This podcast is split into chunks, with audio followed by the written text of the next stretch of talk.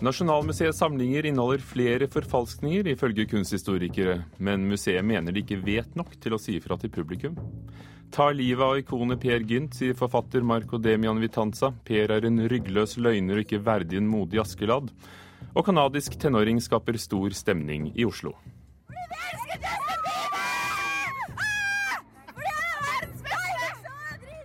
Justin Bieber er navnet, og de som hyller ham, kalles Beliebers. Og du hører på Kulturnytt i NRK P2 Alltid nyheter. Nasjonalmuseets samlinger kan inneholde flere forfalskninger. Nå skal utenlandske eksperter gå igjennom all utenlandsk eldre kunst ved museet. Tidligere avdelingssjef ved museet reagerer på at Nasjonalgalleriet ikke informerer publikum om det hun mener er forfalskninger. Se her nå, om de har fått det opp. Marit Lange er tilbake på gamle tomter. Den tidligere sjefen for maleri og skulptur ved Nasjonalgalleriet kjenner samlingen svært godt. Hun reagerer på at museet ikke har endret etikett på maleriet 'Kjærlighetsbrevet' av Gabriel Metsu fra 1600-tallet. Et maleri av en mann som gir et brev til en kvinne. Her er jeg sagt ifra. Og det bildet der er en renheklet forfalskning. Og det kan godt henge der. Det tilhører da den gaven fra, eh, fra Langgaard. Men det må stå der at det er en forfalskning. Og det har jeg bedt dem om å gjøre. Og står det? Nei. Det var en meget grundig undersøkelse som påviste falsk krakelering og alt, hele pakka, vet du. Også et maleri av den italienske renessansemesteren Paolo Veronese er en forfalskning, sier hun. Men der har vi den berømte forfalskede hunden Veronese, vet du han. Eh, Det forekommer veldig ofte en hund i hans bilder av den typen der. Tilskrevet Veronese. Den er tilskrevet forfalskning. Og det, og det er sånne ting som den tekniske avdelingen her har arbeidet med og klargjort. Ikke sant? Og da Bildene kan henge, de tilhører gaven, men du må opplyse hva det er. NRK har snakket med ansatte ved museet, som også mener at maleriene er forfalskninger. Likevel er ikke etikettene blitt endret. Hvis det er så at alle er enige at det er ikke Metsu siden flere år, da eh, må man naturligvis bytte det ut. Det sier avdelingsleder ved museet, Nils Olsen. Vi vil at, uh, at vi forsker om dette og ser hvordan det blir. Uh, naturligvis er det veldig viktig at vi finner sannhet. Vi vil ikke ha etiketter som er falske. Men det er ikke bare disse maleriene som kan være forfalskninger, sier avdelingsleder Nils Olsen. Nå skal museet gå gjennom hele samlingen av eldre utenlandsk kunst ved hjelp av utenlandske eksperter. Arbeidet vil ta tre til fire år, men de håper at de blir ferdige før de skal flytte inn i det nye museet på Vestbanen. Det er ikke så at vi vet at det er forfalskninger, men vi har, noen, det har naturligvis noen slags aning. Og de skal gå gjennom alle verk med alle kriterier. Det vil si stilistisk, eh, dokumentasjon, eh, proveniens, kanskje også naturvitenskapelige metoder osv. Og, og siden man har ikke gjort en eh, riktig stor forskningsprosjekt siden 1970, liksom. Det skjer at vi har en del eh, nye navn, eller andre navn, eller andre dateringer. Det kan skje. Marit Lange er fornøyd med at museet skal forske mer på bildene, men hun mener også at de må sjekke sine egne arkiver bedre. Tommy Sørbø er kunsthistoriker og har selv jobbet ved Nasjonalgalleriet. Han synes det er fint at de går gjennom samlingen, men at det er viktig at de oppgir tvil om ekthet. Jeg har jo selv stått og snakket om de bildene for studenter og for uh, skolebarn og, og, andre, og tenkt at de er originaler og brukt dem som det. Men jeg tror de aller fleste museer, om det er Nasjonalgalleriet eller om det er Louvre, så finnes det uh, forfalskninger. Som ikke Tommy Sørbø, kunsthistoriker, gjennomskuet. Reporter Eirin Venås Sivertsen. Kulturkommentator her i NRK, Agnes Moxnes. Ord står mot ord. Nasjonalmuseets avdelingsleder sier at de må forske mer, men flere vi har snakket med fra museet som har tilbrakt mange tiår med forskning, sier at det ikke er tvil om at det er forfalskninger der. Hvor sannsynlig er det? Det er svært sannsynlig, og det er nesten litt overraskende å høre ledelsen på Nasjonalmuseet nå underkjenne den kompetansen som Marit Lange representerer. Hun er en av Norges fremste kunsthistorikere og forskere på dette feltet. En kapasitet både i ut- og innland, som har jobbet da i en årrekke ved dette museet. Så det jeg syns vi hører her, er et museum som glemmer sin egen verdenshistorie.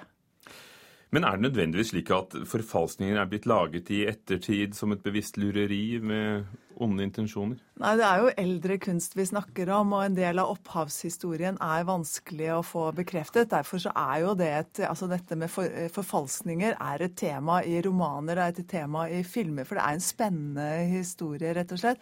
Det finnes eh, mestere som hadde masse elever og som ikke signerte maleriene. Eller det ble, var ikke en tradisjon for signering. Så det er, det er mange andre historier bak dette her enn renspikka for, forfalskninger.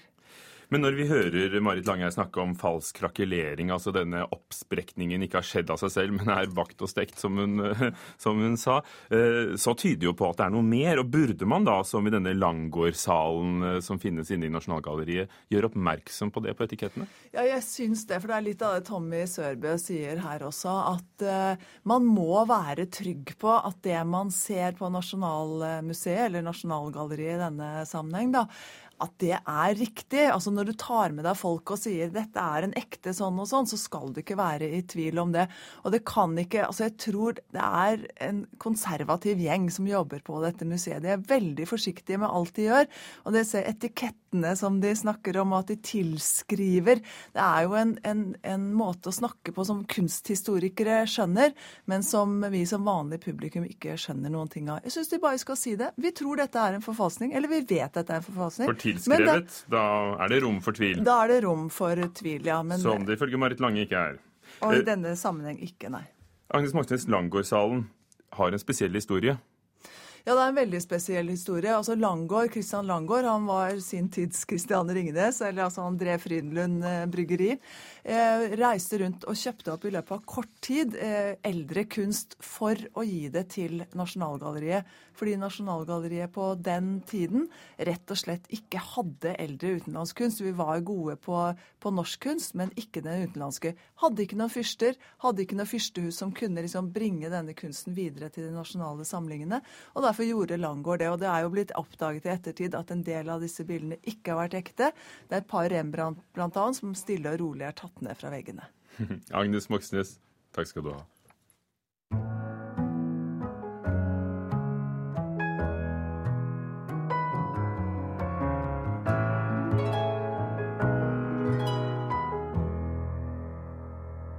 Den Norske Opera og Ballett kan bli rammet av streik. Fra lørdag av kan operaen Aida og ballettforestillingen Askepott bli avlyst dersom partene i meglingen for Den Norske Opera og Ballett ikke blir enige. Seks sangsolister og ballettdansere som er medlemmer av Musikernes Fellesorganisasjon, kan bli tatt ut i streik. Denne meklingen har eh, frist til midnatt fredag. Og så til Lillehammer. Det er en stor glede å ønske dere velkommen til den 18. litteraturfestivalen her på Lillehammer. Nå er de i gang i Mjøsbyen. Eh, litteraturfestivalen, Norsk litteraturfestival, de tidligere Sigrid Undset-dagene, som fortsatt er undertittelen. Forfatter og kritikere og vanlige lesere inntar byen helt til søndag. Og Knut Hoem, du er en av dem, kritikerne. Velkommen. Jo, jo, takk for det. Eh, det begynte i går med utdelingen av Doblaug-prisen, som, eh, som, gikk til Roy Jacobsen og Ellen Einan. Men hva er det for en pris? Det er en morsom pris som ble startet av en forretningsmann som mente at man burde styrke båndene mellom Norge og Sverige. Så denne prisen eh, deles ikke bare ut i Norge, den deles ut av den svenske akademien i Sverige. Så her er det to eh, tildelinger, og den, den, svenske foregikk på 17. mai. Og, det er det altså de samme som gir ut nobelprisen. Eh, hva er høydepunktene med årets festival? Jeg vil jo si at eh, det at de har fått to sånne eh, poeter i verdensklasse, som koreanske Ko Un og syriske Adonis, er et kupp. Eh, og iblant så er det jo sånn at verdenshistorien på en måte ramler innover en festival. I dette tilfellet så er det jo et eller annet med at når de får syriske Adonis til å snakke om situasjonen i Syria akkurat nå, så føler jeg jo at de treffer ganske godt, da. Det må jeg si. De nå bor han selv i Paris. Hmm? Nå bor han selv i Paris. Han bor i Paris, men jeg tror nok han følger med på hva det er som foregår i hjemlandet. Tidligere har det vært kontroverser rundt uh, litteraturfestivalen. Forfatter Stig Seterbakken gikk av som kunstnerisk leder i 2008 uh, eh, etter mye debatt. En kunstnerisk rådgiver har sluttet i år. Er dette et tegn på at det kan bli en tam festival? Det er klart at de der brennende lokale hjertene som eh, en gang drev festivalen kunstnerisk, som eh, Stig Seterbakken eller poet Øyvind Berg, de, driver det ikke lenger. Men når det er sagt, så er det etter mitt syn et veldig sterkt program. Temaet er penger, og det er mye flere spennende utenlandske forfattere, utenlandske forfattere der i år enn det var i fjor. Eh, når jeg kommer opp nå klokken ett, så skal Kåre Willoch eh, sitte og diskutere den europeiske finanskrisen med journalist Jon Hustad, f.eks. Eh, det kommer flere økonomer. Øyvind Strandst Petalen er der og skal diskutere europeisk finanskrise. Altså det, det, er bare for å vise spennet som er blitt her nå. Det er jo klart at det er blitt en veldig stor festival. Det er en knutepunktfestival. De har 6,5 millioner i, i, årlig budsjett, men det er også eh, virkelig blitt eh, en bredde der som er unik eh, i, i, norsk sammenheng, altså.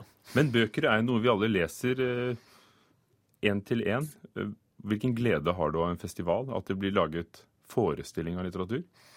Nei, Det må jo være møtene mellom forfatterne det handler veldig mye om. Altså det å se hvordan eh, Å se de i samtale med hverandre. Og det er også veldig mange up and coming eh, yngre forfattere på programmet. Eh, en dansk Josefin Klogart, en finsk Juha Itkonen. Dette er jo ikke så kjente navn ennå, men de er der oppe. En amerikansk Nicole Crouse, hun er et stort navn. Så her er det mye å glede seg til, og vi følger jo dette her opp. Og i helgen så vil jo Bok i P2 faktisk forsøke å sende Dag Solstads foredrag om Thomas Mann.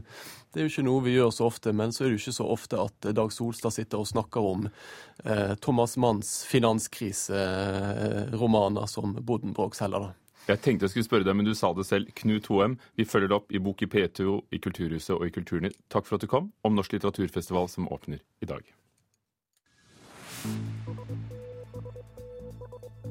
Du hører på P2s Nyhetsmorgen. Klokken passerer akkurat 17 minutter over åtte. Overskriften i dag. Det er streik også i Oslo etter at meglingen i natt ikke førte frem. Det er flere uføre her i landet enn regjeringen har tatt høyde for. Og Aravin Adiga har skrevet en roman som er nesten like god som forgjengeren, sier vår kritiker litt senere her i Kulturnytt.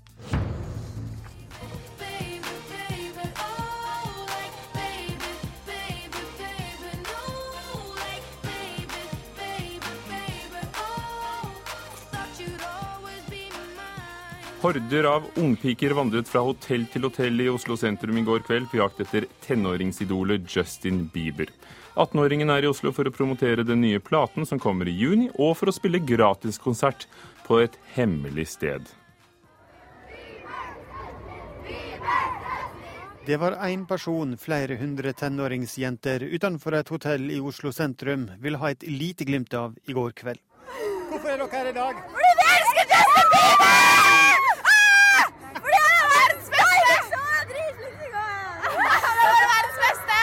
Blikket går opp mot de øvre etasjene. Og så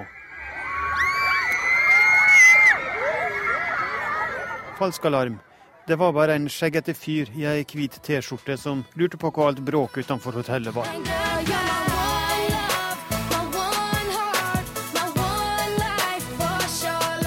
Det canadiske tenåringsidolet Justin Bieber ble oppdaga på YouTube og er en flittig bruker av sosiale medier. Det har gitt han en helt spesiell tilhengerskare, sier musikkjournalist Sigrid Hvitsten i Dagbladet. Han eh, kommuniserer eh, men med fansen på en helt annen måte enn det som er, eh, har vært vanlig tidligere. Han og Lady Gaga har millioner av følgere på Twitter. Denne interaksjonen er helt ny og veldig spesiell, og skaper en ekstrem lojalitet.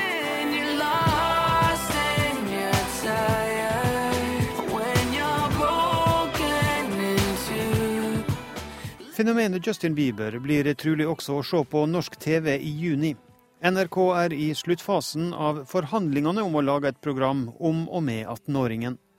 Men hva type program det blir, vil TV-sjef Anne Helsingen ikke si så mye om foreløpig. Det kan jeg ikke si så mye om før, eh, før kontrakten er klar, men, eh, men, vi ønsker jo både å presentere han for, for den store skaren av fans, og, og kanskje også gi oss andre som ikke nødvendigvis er det, eh, et lite innblikk i dette store fenomenet.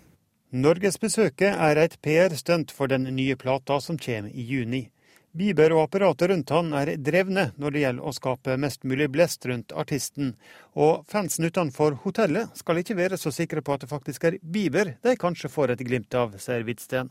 Men det er jo et lite tankekors og litt artig da, at han når han kommer til Norge nå, har med seg en uh, dobbeltgjenger uh, for å lure fansen.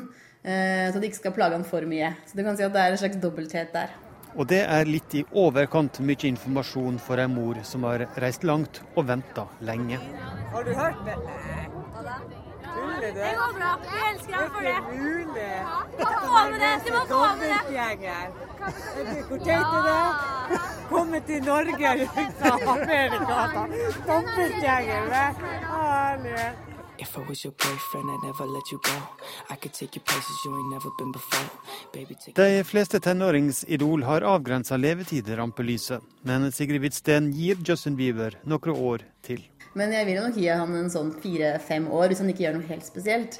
Men det som også er litt unikt med Justin Bieber, er at han utvikler seg etter hvert som han blir eldre. Altså det neste albumet, eh, som kommer i juni, så eh, arbeider han med Kanye West og Drake og artister som på en måte representerer en litt mer avansert eh, musikkform. Da. Så det skal bli spennende å høre. If I was your boyfriend, never let you go.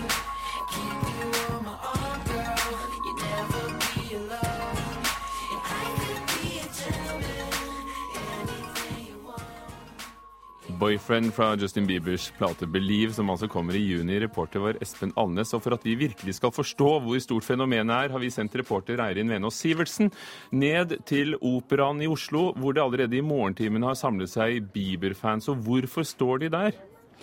Hei, eh, Ugo. Jeg sitter nå på et eh, blått eh, flisteppe på marmoren utenfor operaen. Blant jeg vil kanskje anslå 200 tenåringer som venter på Justin Bieber. Og en av dem det er Martine, og hun er 14 år. og Hun sto klokka fem i morges og dro fra Lillehammer for å sitte her i åtte timer og vente på Justin Bieber. Hvorfor i verden har du gjort det? Eh, fordi jeg er fan. Hva er det som er så bra med han, da? Eh, musikken og personligheten og utseendet og øynene og alt, egentlig. Ja, men eh, du har med en stor bag her også, eh, som liksom med utstyr, da. Eh, hva, hva, kan, du, kan, du, vise oss hva det er du har oppi bagen? Eh, jeg har bare egentlig mat og drikke og vann og kjeks og klær og liksom. Men eh, hvor, hvor, hvor, er det han skal holde konserten, egentlig? For nå, nå, er det 200 mennesker som sitter her, men vi vet jo ikke at, at det er her han skal holde konsert. Har du hørt noen rykter, eller? Eh, jeg har egentlig bare fulgt Facebook-sidene og sånn, og da sto det i hvert fall at det skulle være mellom Operaen og Oslo S, så da er det sikkert her et sted. men... Eh, for i sted så var, det, så, så var, det, plutselig noen av disse tenåringene som bare reiste seg kjempefort opp og begynte å gå fremover. Hva var det, så, tror du var det som skjedde da? Eh, jeg tror kanskje det var noe TV-greier eller noe sånt noe. Så det var ikke Justin Bieber som kom? Eh, jeg håper ikke det, fordi da ja, gikk vi glipp av noe. Ja, og de blir altså sittende her i åtte timer, og det kommer nok til å komme flere og flere. Det kommer gående folk over broa fra Oslo S eh, hele tida. Takk skal du ha, Eirin Venås Sivertsen, eh, som sitter der nede sammen med fansen og venter på Justin Bieber.